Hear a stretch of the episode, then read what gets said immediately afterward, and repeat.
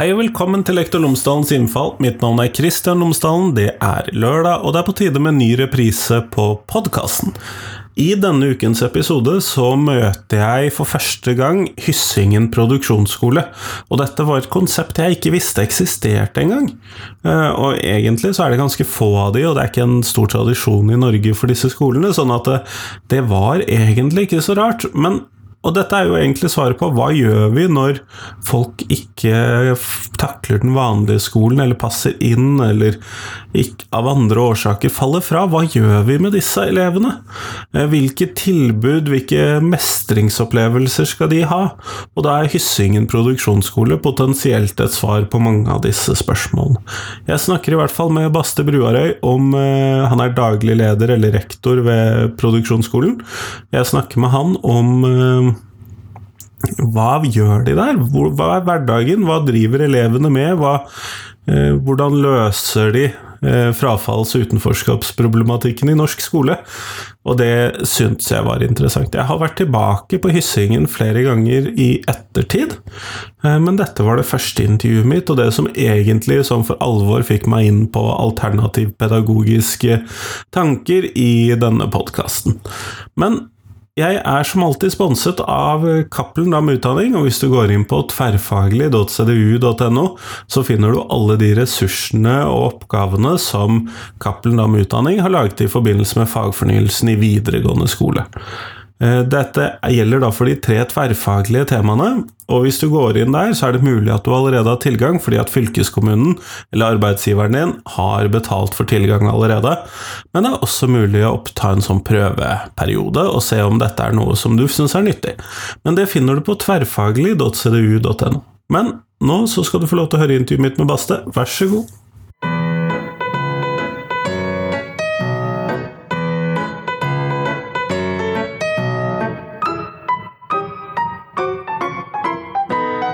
Tusen takk, Baste, for at jeg har fått lov til å komme og besøke deg her på Hyssingen.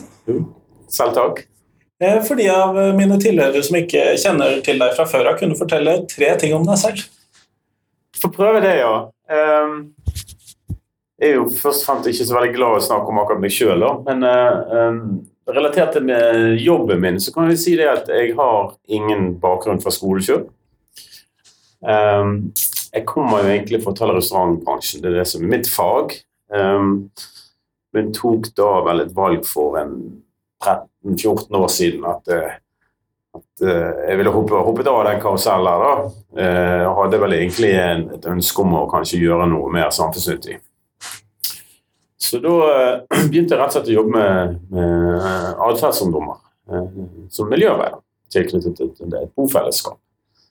Og trivdes veldig godt med det. Og fikk, fikk lærte mye selv egentlig om det å jobbe med mennesker. Og, og særlig disse ungdommene med blandingsdiagnoser. Og, og fant vel egentlig ut at jeg var ganske god. Jeg var en god miljøarbeider. Så etter det så fikk jeg muligheten til å kombinere hotell, hotellbakgrunnen min og, og, det mer sosiale, med, med, eller eh, samfunnsnyttige, med, med Jeg var driftsleder på det som heter Klosterhagen hotell som er et arbeidstreningstiltak her i Bergen, i regi av Alf AS. Hun var med fra starten og bygget det opp. Um, og var der i fire år, og veldig god erfaring. Hvor jeg da fikk, uh, var så heldig og fikk, uh, fikk være med og starte opp Hyssingen. Og har vært nå fungert i rollen som daglig leder her i ja, tre og et halvt år. Så vi har holdt på i to og et halvt år. Så det er jo litt sånn om, om min bakgrunn, da. Um, hva annet skal jeg si om meg sjøl, da? Jeg er Nei, jeg er gift og har to barn. To gutter. Ja. ja. To gutter på 14 og Eller han er blitt 15 nå. 15 og så snart 20. Um, ja. Så jeg bruker mye tid sammen med familien og de og Ja. Trives veldig godt med det. Høres bra ut. Ja. Uh, ellers min bar, eller hva skal jeg si Nei, jeg, jeg har jo reist mye, da. Um, jeg var vel totalt vekke fra Bergen i ni år i forbindelse med studier og arbeid og, og slikt. Um, så jeg var i Sveits, USA, uh, jobbet i London noen år. Jeg har bodd i Australia, jeg har bodd i København. Farta på Bali. Ja. Uh, har litt sånn tatablod i årene. Så det å reise, det har uh, Og jeg så vel egentlig ikke for meg å bosette meg i Bergen, i Norge. Uh, hadde egentlig ambisjoner om å En av grunnene til at jeg valgte hotellet, var det at jeg ønsket å, å egentlig oppleve verden og kanskje bo en del ute og sånn. Men det er klart når du får barn, så, så blir det et ganske enkelt valg. å å- Komme seg hjemover. ja, at de skal vokse opp i, i Norge i trygge, i trygge omgivelser. Og ikke minst eh, det er greit å ha barnevakter og, og så videre, og tilknytning til familie og sånn. Så, så nå trives jeg veldig godt i Bergen. Så kommer jeg nok til å fortsette. på. Får se om jeg søker meg permisjon om eh, noen år og tar meg et år til i utlandet. Det, det har jeg faktisk lyst til å tenke på. Men inntil videre så er jeg veldig glad for å være på Hyssingen. få til jeg føler meg egentlig veldig privilegert som får lov til å holde, holde på med det jeg gjør nå. Da, og hjelpe disse ungdommene til å skape seg en god framtid. Så. Bra, for det er jo nettopp det vi skal snakke om her i dag, er Hyssingen produksjonsskole og det dere driver med her. Hva er Hyssingen produksjonsskole? Ja. Eh, jeg kan jo ta eh, begynne med bakgrunnen. Altså, Hyssingen eh, ble jo startet etter initiativ fra opplæringsavdelingen i fylkeskommunen. Eh, så eh, de begynte vel å jobbe med Eller det var en idé som kom ut av et prosjekt som het Ny GIV, som, som er rettet mot å redusere frafallet i videregående opplæring. Så formålet til Hyssingen er å redusere frafallet i videregående opplæring. Eh, hva en produksjonsskole er? Eh, det er jo noe helt nytt i Norge. Eh, vi er jo egentlig basert på eh, en dansk modell. I Danmark så har de holdt på med produksjonsskoler siden 70-tallet. Eh, de har noen og 80, jeg tror det er 83 produksjonsskoler i Danmark. De har egen lo- lovgivning eh, rettet mot det. eh, og det er en stor del av det, av det offentlige skolesystemet i Danmark. Her i Norge henger vi dessverre godt etter. Eh, Her har vi eh, ikke hatt noen særlig gode tilbud til de ungdommene som dropper ut, som ikke passer inn i den ordinære videregående opplæringen. Eh, Frafallet er jo høyt, har vært høyt i flere år. Ca. 30% eh, av de som begynner i videregående, fullfører ikke innenfor eh, normert tid.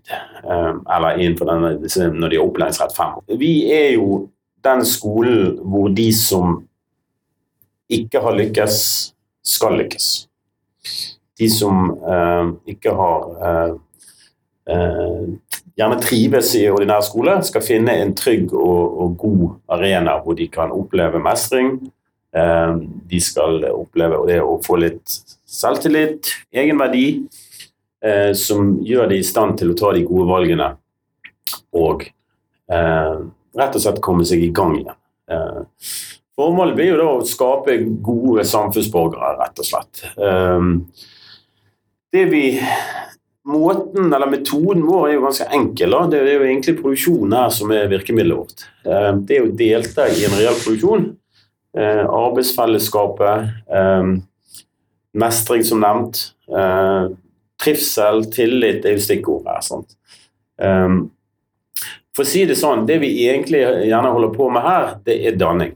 Hvor overskriften blir da 'danning gjennom produksjon'. Hvor dannelsesbegrepet henger veldig høyt hos oss. Hvis du skal overføre det til ordinær skole, så kan du si det at den generelle delen av læreplanen gjerne den vi er mer opptatt av. Dette Dere er mer der enn på de vanlige læreplanene. ja.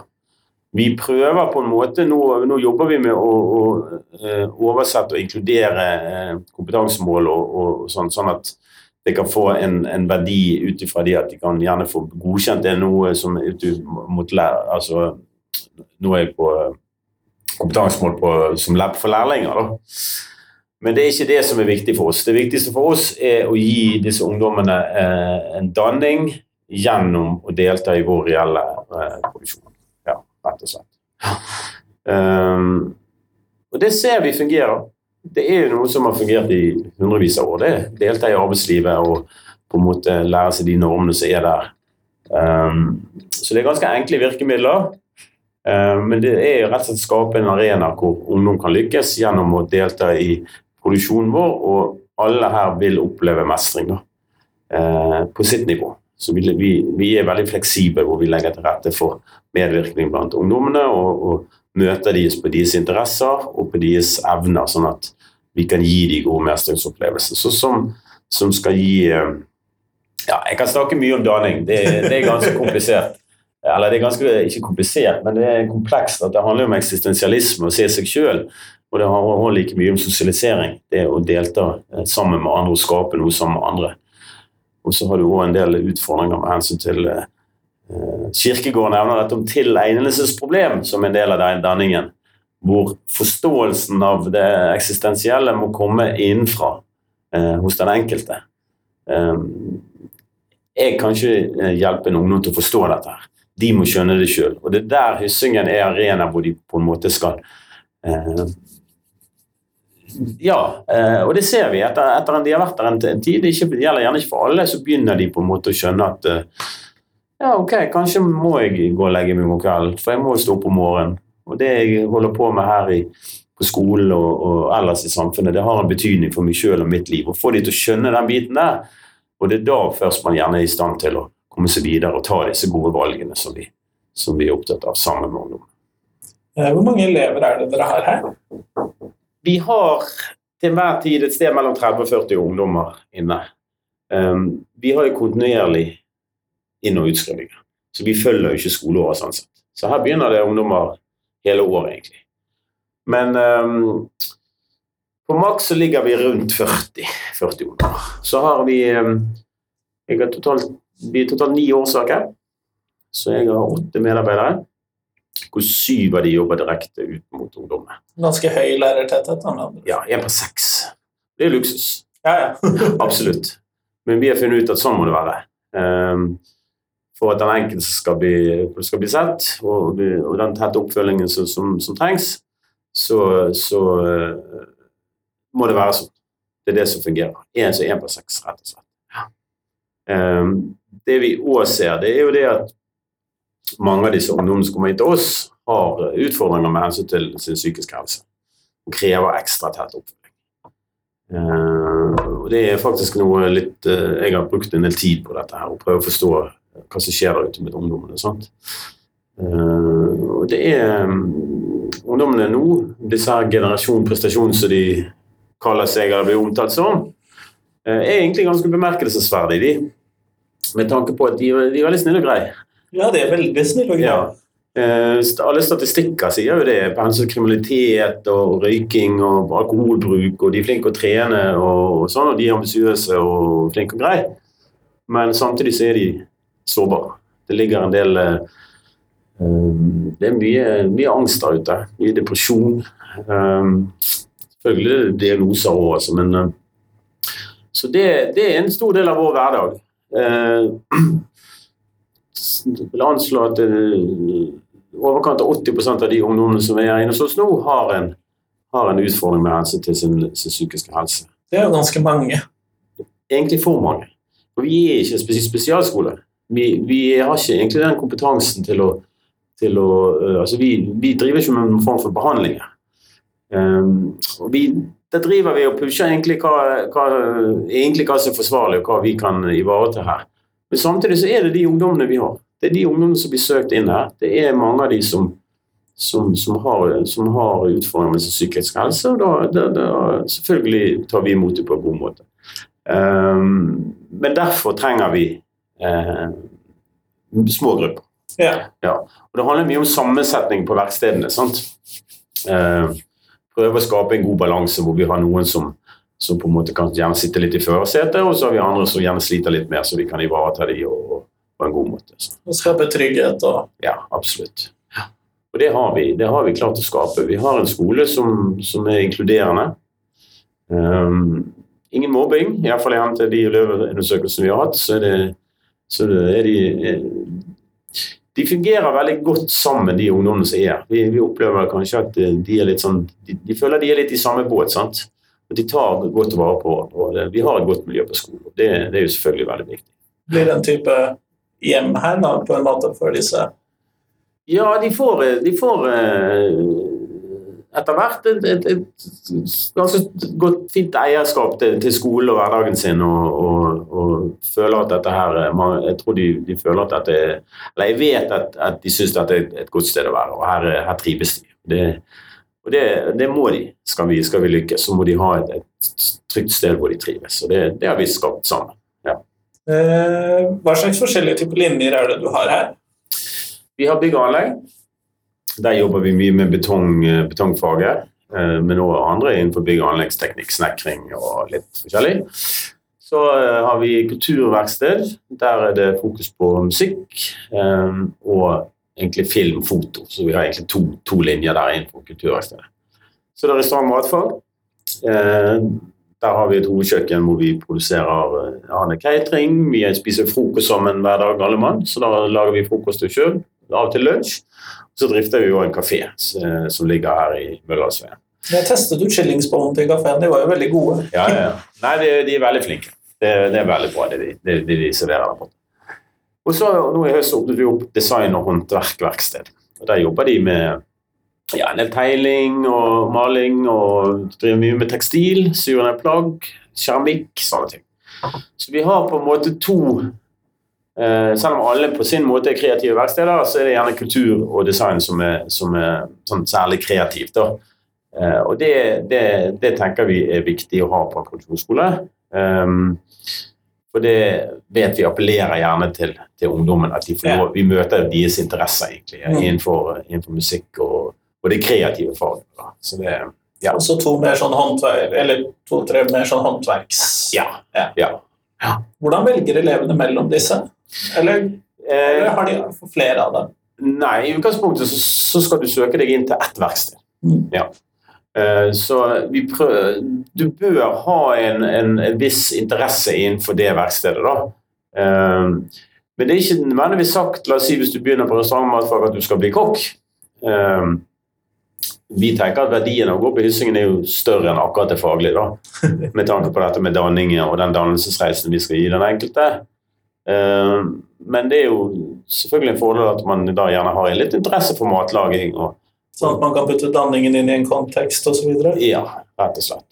Og så ser vi det særlig, særlig egentlig på restaurantmatfag at flere av de som har begynt der, har, har, uh, har nå gått videre i kokkefaget. Uh, vi har fått folk ut i lære, vi får de ut i praksis. Vi er nettopp blitt godkjent lærebedrift selv her på skolen, så nå en av, en av disse flinke ungdommene våre skal nå begynne å ta læretiden sin på skolen fra høsten av. Så det er litt sånn hvilepæl for oss.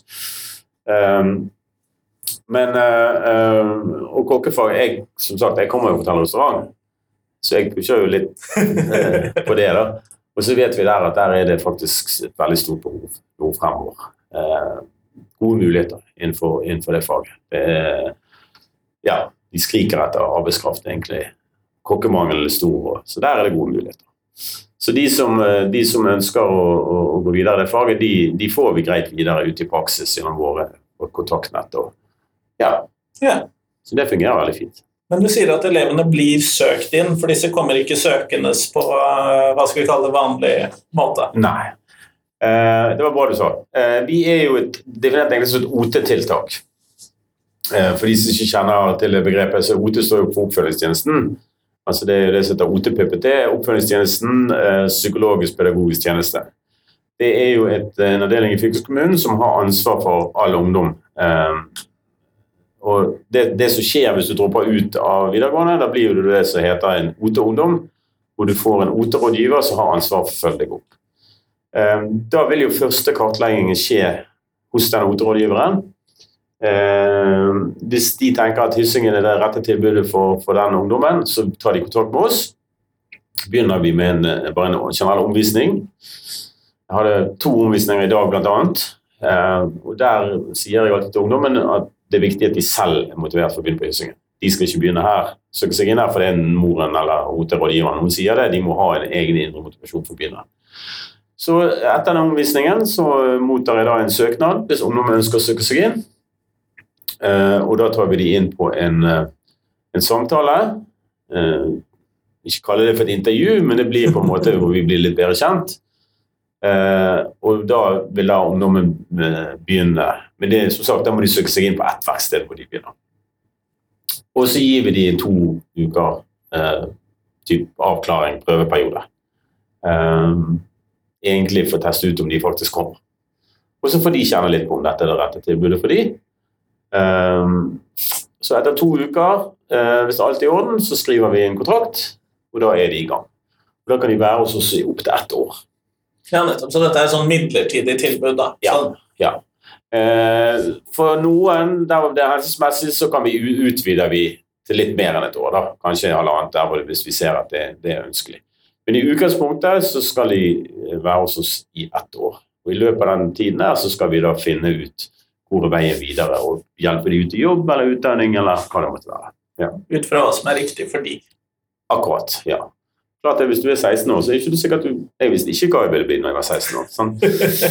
Så det å bruke tiden her godt og, og ha, og ha eh, Rett og slett finne ut av hva man eh, ønsker, og gjerne hva man ikke ønsker. Sant? Og, og for det, for, der, men vi har ikke, egentlig ikke fokus på det før egentlig siste halvår. Første halvår så snakker ikke mye så mye om veien videre. Da gjelder det å, å, å stabilisere oppmøtet sitt her. Uh, ja, og rett og slett trives og være med og være en del av laget her, liksom. Og så på etter skal si, siste halvåret, da er vi litt mer på fokus, fokus over på okay, hvor, Hvor går veien? hvor går veien videre, rett og slett.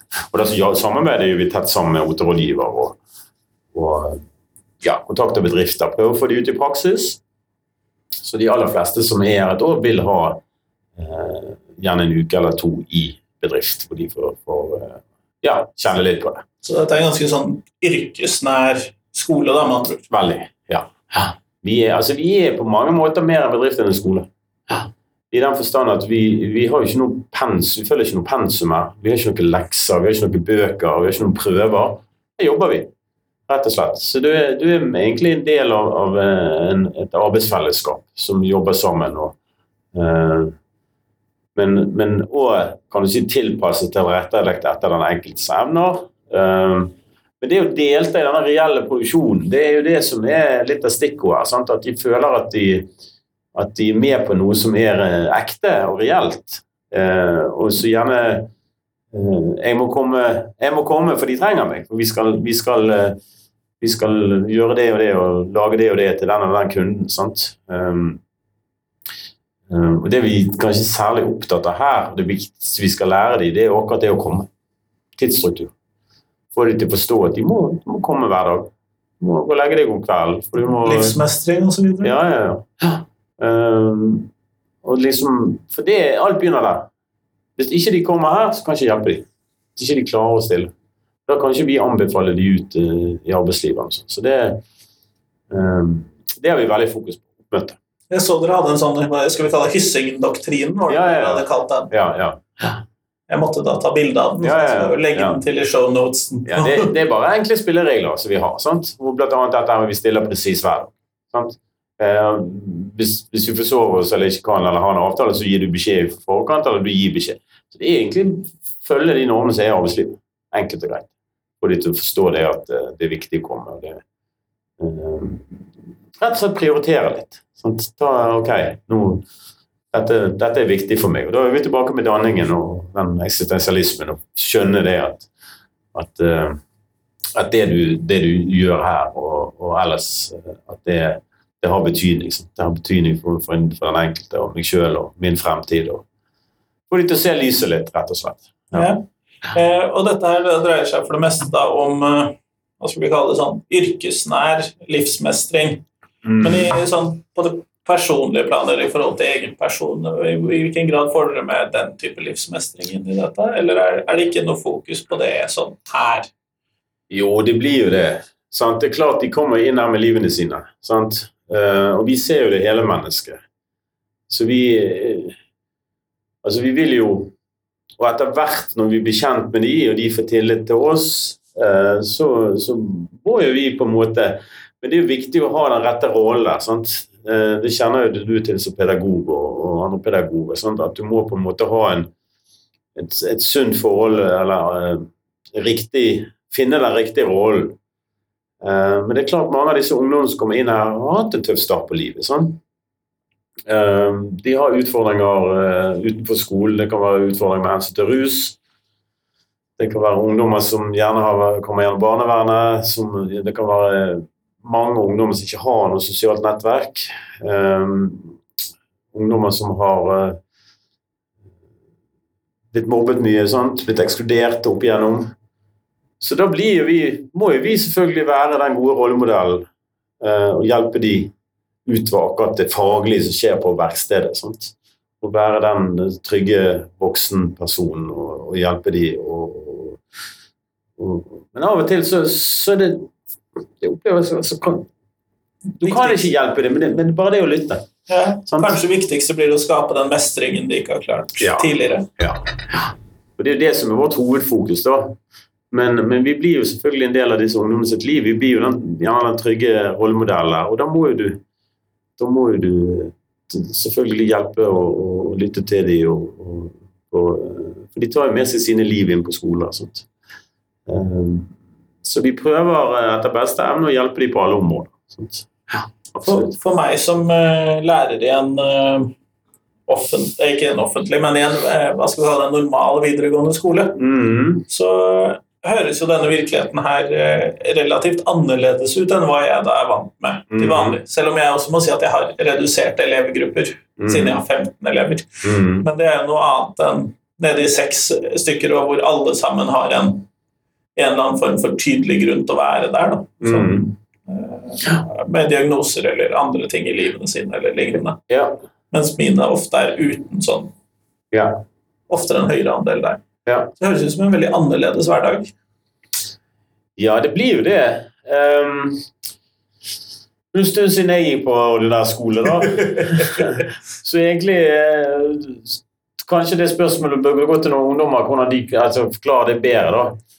Um, men det er jo annerledes i den forstand at her er ikke den hos på Hyssingen så, så er ikke det nødvendig at det er ikke noen som skal lære noe bestemt. Det er ikke definert hva den enkelte skal lære.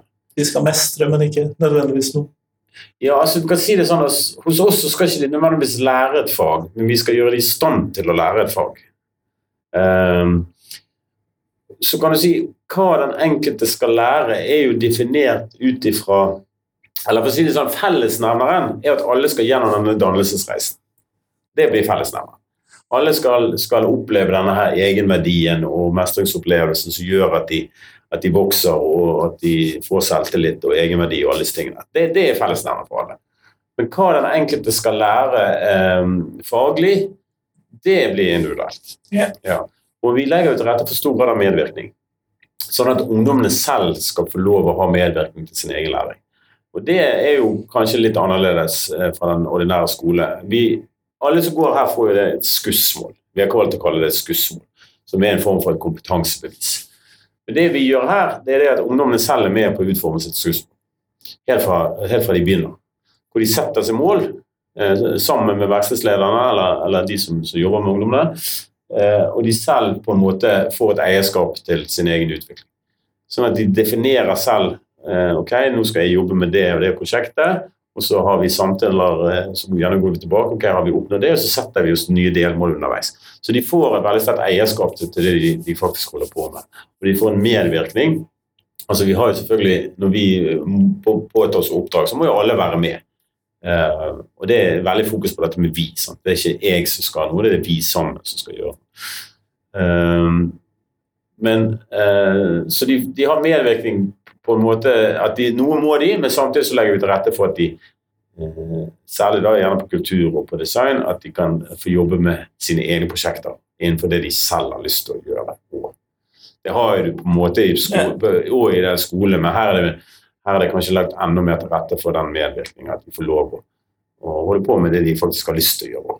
Hva slags oppdrag kan dette være? Jeg tenker jo for På kjøkkenet så har jeg forstått at det er en cateringvirksomhet. sant? Der sier det seg Ja. kanskje litt mer selv hva som er type hva dere skal levere til noen andre. Ja, ja. Men uh, f.eks. på bygg og anlegg, hva slags oppdrag er det som uh, Når det da skal være litt sånn Ja, bygg og anlegg det er altså Der er det gjerne ikke altså, hva de har lyst til å lage, eh, gjøre og sånn, men de, blant annet så begynte de å lage noen sånne båter. Eh, som er sånn gamle, gamle sånn strikkmotor. Så gøy! Ja, ja. Og det syns jeg de var kjekt. Men det blir jo ofte sånn at kanskje vi må, må komme opp med noen ideer. eh, Det er ikke alltid eh, at de selv har så veldig mye uh, ideer rundt det. Så, men kanskje vi penser pense de inn på noe, sant? Og, så, og så prøver vi å få, få de til å, medvirke. Det er lettere kan du si, på kultur innenfor musikk. For der har de lyst til å lage beats og de har lyst til å lage altså, type hiphop. De driver og rapper og sånn, og da får de lov til det. Um, men på bygg og anlegg, altså det de egentlig holder på med, der, de som sagt de jobber mye ute. da. Og der er det sånn, så, så har vi et verksted her inne. Der er det typisk sånn at vi har spurt ungdommene hva syns dere er egentlig kjekkest. Syns dere det er kjekkest å være ute og jobbe, eller syns dere det er kjekkest å være inne og jobbe? Og da har vi fått tilbakemeldinger nei, de syns det er kjekt å være ute og jobbe. Så da prøver vi å, å være en del ute. da. Men nå om vinteren så har vi jo heller vært mer inne, så vi legger det opp i hensyn til vær og vind. og sånne ting. Ja, Det forstår jeg jo godt. ja. ja. Eh, Men du nevnte i stad at i Norge så finnes ikke en egen lov for denne typen skoler, sånn som eh, det finnes i Danmark. ja. Og dere er en relativt unik blomst i den norske skolefaunaen. ja. Eh, hvordan er det? det har vært utfordrende for oss, egentlig. Særlig ut mot, sånn i begynnelsen ut mot Nav, blant annet. Altså, vi, vi får ikke, de får ikke noe fra Lånekassen, for de har ikke formell elevstatus når de, når de går her hos oss. Um, I begynnelsen så liksom opplevde vi at en del ungdommer eh, mistet støtte fra Nav til livsopphold og, og en del sånne ting, fordi at de visste ikke hva dette var for noe. så Dere var skole, men ikke skole likevel. ja, ja, vi havnet egentlig mellom to stoler. Sant? Vi, vi var verken det ene eller det andre. Men nå er det blitt mye bedre. Nå har vi brukt to år og fått stor hjelp fra eh, ledelsen i særlig for OT der og jobbet ut mot Nav, og, og, og liksom eh, at folk er mer eh, obs på hva og hyssingen er for noe. Og, og at, eh, at de ungdommene som går her, eh, ikke mister disse rettighetene som de har hatt av Nav. Så det, det, det er kommet, kommet mye lenger. Men det er klart at når du starter noe helt nytt sånn som dette, det er jo liksom pionerprosjekt, så, så, um, så har ikke vi passet inn noen steder. Sant? Det var det jeg kunne forestille meg. Ja. Og vi, vi har selv kanskje slitt litt med å definere hva er vi egentlig for. Sant? Vi, vi er ikke en skole, vi er en produksjonsskole. Hva er en produksjonsskole? Skal du prøve å forklare det? Sånn. Men sakte, men sikkert så, så føler vi at vi har fått ganske bra aksept der ute. Sant? At folk er blitt mer observant på hva vi er for noe. Nå er vi definert som et OT-tiltak. da. Um, og det har allerede begynt å jobbe med en, enda en produksjonsskole i Holland. Um, vi, jeg har vel hatt kontakt med en åtte eller ni fylker som er veldig interessert i Hyssingen. Så det kan se ut som at dere begynner å spre dere. Jeg, jeg, jeg tror det at i løpet av eh, fem til ti år så vil det dukke opp flere eh, produksjonsskoler i Norge, og dette vil bli, bli, bli, spre seg utover landet. Jeg vet i, de, i Rogaland, Østfold og Oppland driver de nå og undersøker og søker midler på å prøve å få i gang noe tilsvarende. Så eh, behovet er jo stort. Ja, Man må jo få til noe for de som da ikke passer nødvendigvis rett inn i yrkeslivet, og som ikke tydeligvis passer så godt på. Ja. Og jeg, eh, jeg tenker videre at, eh, at det vi må prøve å få til her, det vi må være tidligere ute. Det er jo sånn i Norge at her må du på en måte gå på trynet. da. Du må feile før du eventuelt eh, får hjelp til får hjelp. For jeg, jeg er sikker på at eh, hvis du er lærer på ungdomsskolen, la oss si 9.-10. trinn, så vet du hvilken av dine elever der som ikke er klar for ordinær videregående, som gjerne har hatt behov for, en, eh, for noe, et, et alternativt tilbud. Det handler kanskje bare om et år. sant? Å Vokse litt på å gjøre noe annet. sant? Og I Danmark så har de programmer som de, tar de rett fra ungdomsskolen. Blant annet produksjonsskole er en del. da. Det er også noe som heter KU, som er mer sånn arbeidspraksis. Eh, eh, hvor de kan jobbe i en bedrift i to år og få seg et diplom og komme seg videre. Altså det er, her, men her i Norge skal alle inn i samme kvelden, alle, eh, og, og det vet vi at 40% på yrkesfag og oppimot 30 på studiespesialisering ikke lykkes og dropper ut. Eh, Det vi videre vet, er at halvparten av de som dropper ut, blir jo langvarige trygdemottakere i Norge. Det er jo selvfølgelig dyrt for samfunnet sånn samfunnsøkonomisk, i tillegg til selvfølgelig den personlige For å si det sånn, det er ikke veldig mange ungdommer jeg skal hjelpe videre til eh, ut i jobb eller utdanning før denne skolen har betalt sin del. Altså. Det er faktisk ikke mange i det hele tatt. Eh, I Norge i dag, for å gi noen statistikker på akkurat det der, så har vi, ligger det på litt over 100 000 eh, de- av de som kalles for NEAT-ungdommer. Altså NEET, så det er engelske akronymet for Not in Employment, Educational Training. Altså ungdom som ikke Ikke gjør noe av det. ikke gjør noe. Ja. Um, og det er over 100 000 ungdommer i Norge da. Um, Av ca. 1 million ungdommer. ja, noe sånt. 1,3 millioner, 1,2 Ja. millioner ungdommer. ja. 40 000 av de er jo helt utenfor samfunnet. De, de får mottar ikke noe, noe fra Nav eller noe som helst. Um, så ja, det er, det er for mange. Ser ikke ut som du mangler kundegrunnlag helt ennå. da. Nei, altså vi har jo ventelista, vi. vi kunne, her står det her er det kø for å begynne. Så, så behovet er stort for et alternativt tilbud til der skolen. Og det begynner folk å skjønne. Altså, det er jo, det er jo litt sånn her på Hyssingen, Vi møter jo veldig velvilje fra alle. Alle skjønner jo at dette her eh, trengs. At dette er et bra tilbud. At dette er nyttig. Men, eh, men at vi fremdeles er den eneste i Norge Det er jo litt deprimerende. det er jo det. De har ett noe som heter Arbeidsinstituttet i Buskerud som er tilsvarende, så de har holdt på med noen år. Um, og så har de en del små tiltak rundt i, fylket, i de ulike fylkene og en del som jobber med, med dette her, men det er altfor lite. Alt for lite. Det trengs jeg, Det burde vært, det burde vært eh, 50 profesjonsskoler i Norge, spør du meg. Absolutt. Som fra mange nok.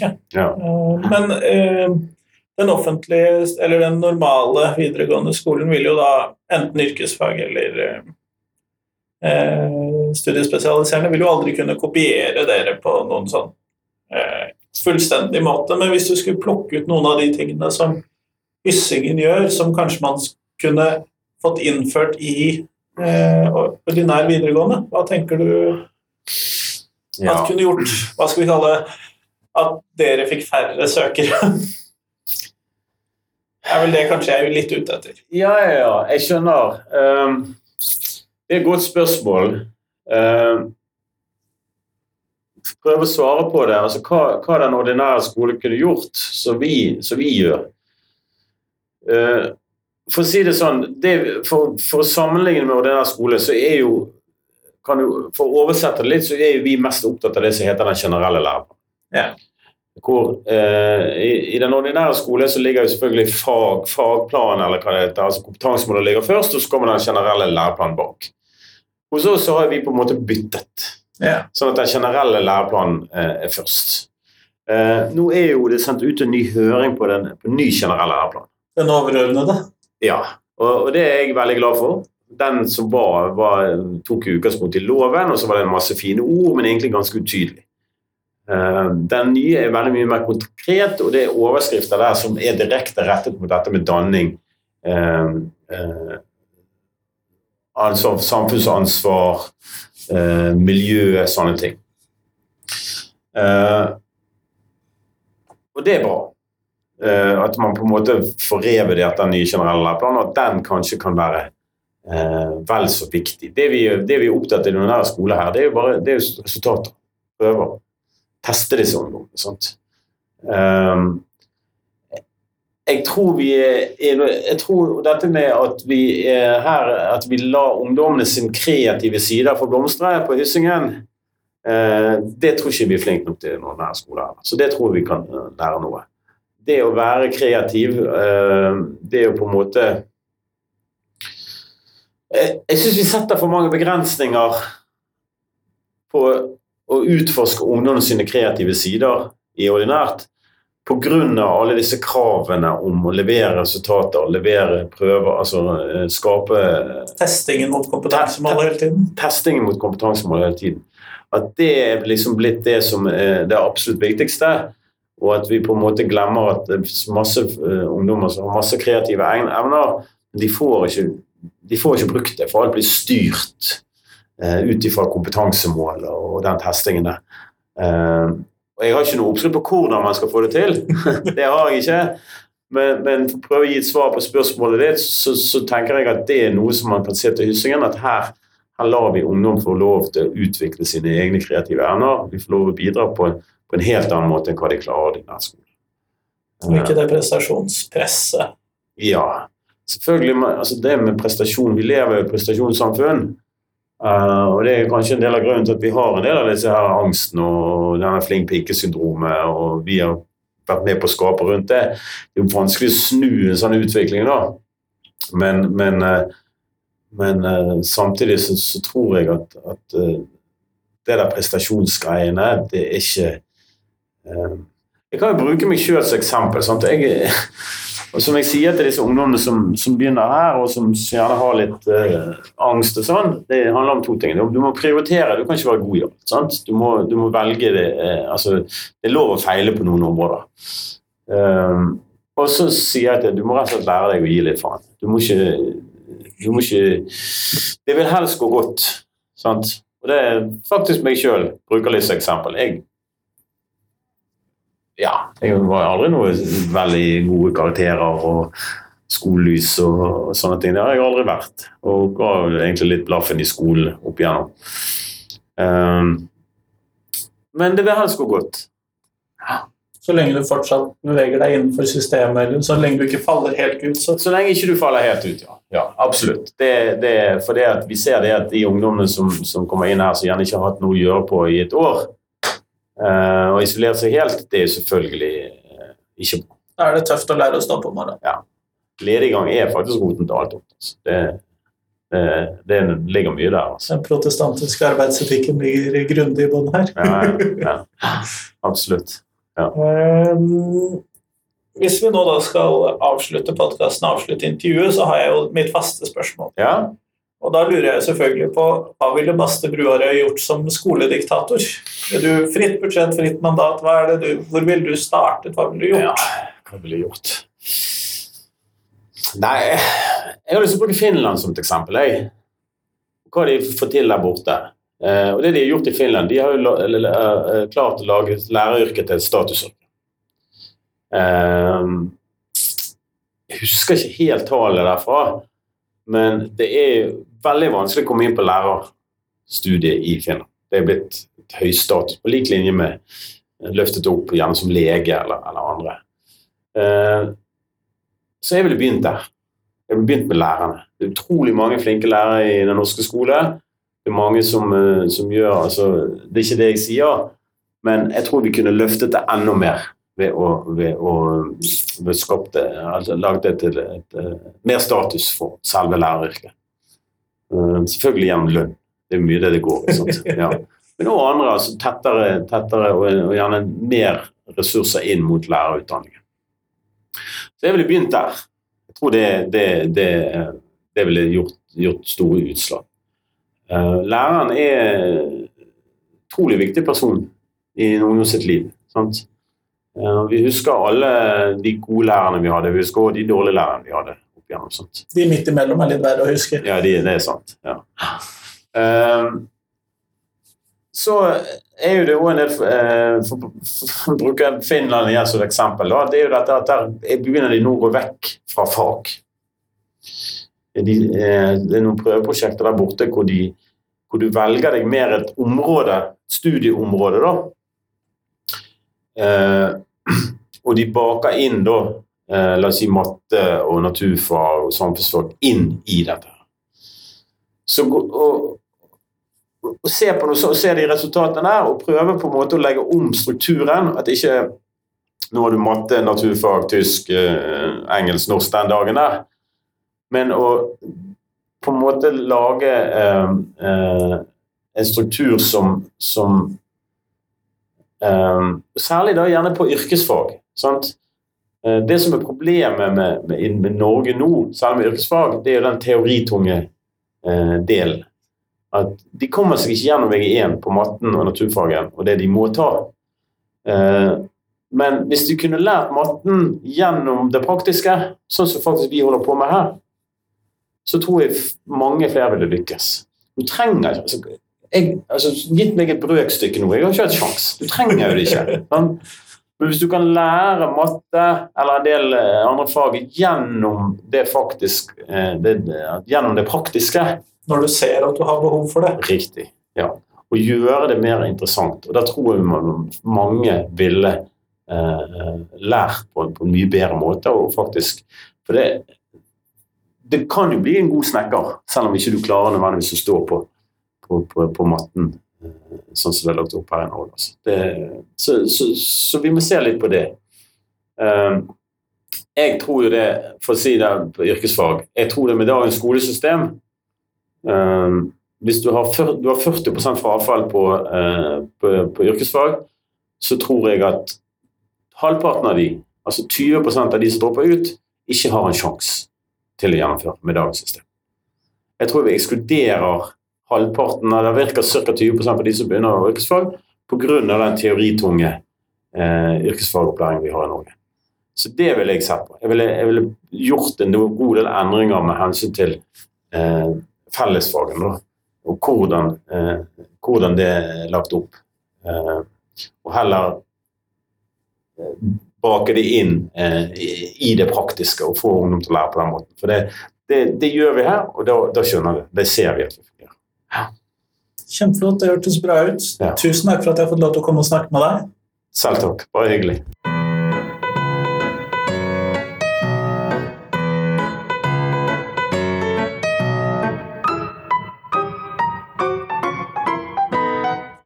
Tusen takk til Baste, og tusen takk til deg som hørte på. Nå er det fram til tirsdag, så kommer det et nytt intervju på podkasten.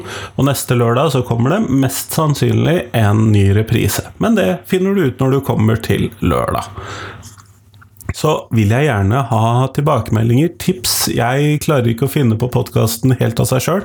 Og så vil jeg veldig gjerne at du deler podkasten min med noen som du tror vil sette pris på den. Jeg sa jo i begynnelsen, når jeg startet denne podkasten, at eh, jeg ville nok eh, ha lyst til å drive med podkasten uansett om noen hørte på eller ikke. Og det mener jeg for så vidt fremdeles, men jeg er litt usikker på om jeg ville laget nesten 400, eller over 400 er det vel på dette tidspunktet, episoder uten at noen hørte på, eller at jeg fikk noen tilbakemeldinger. Så del gjerne podkasten min med noen. Dette syns jeg er utrolig gøy. Jeg vil gjerne dele dette med lærere, skolefolk, lærerutdannere, foreldre De som er interessert i å høre på, egentlig, er ikke så kravstor. Du må bare ha et visst hjerte for norsk skole for å gidde, tror jeg.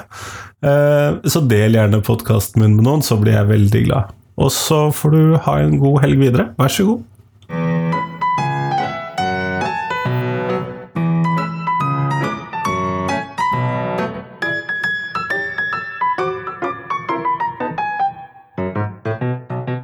Jeg trenger tips ikke bare om mennesker jeg skal intervjue, men også om temaene jeg skal intervjue folk om.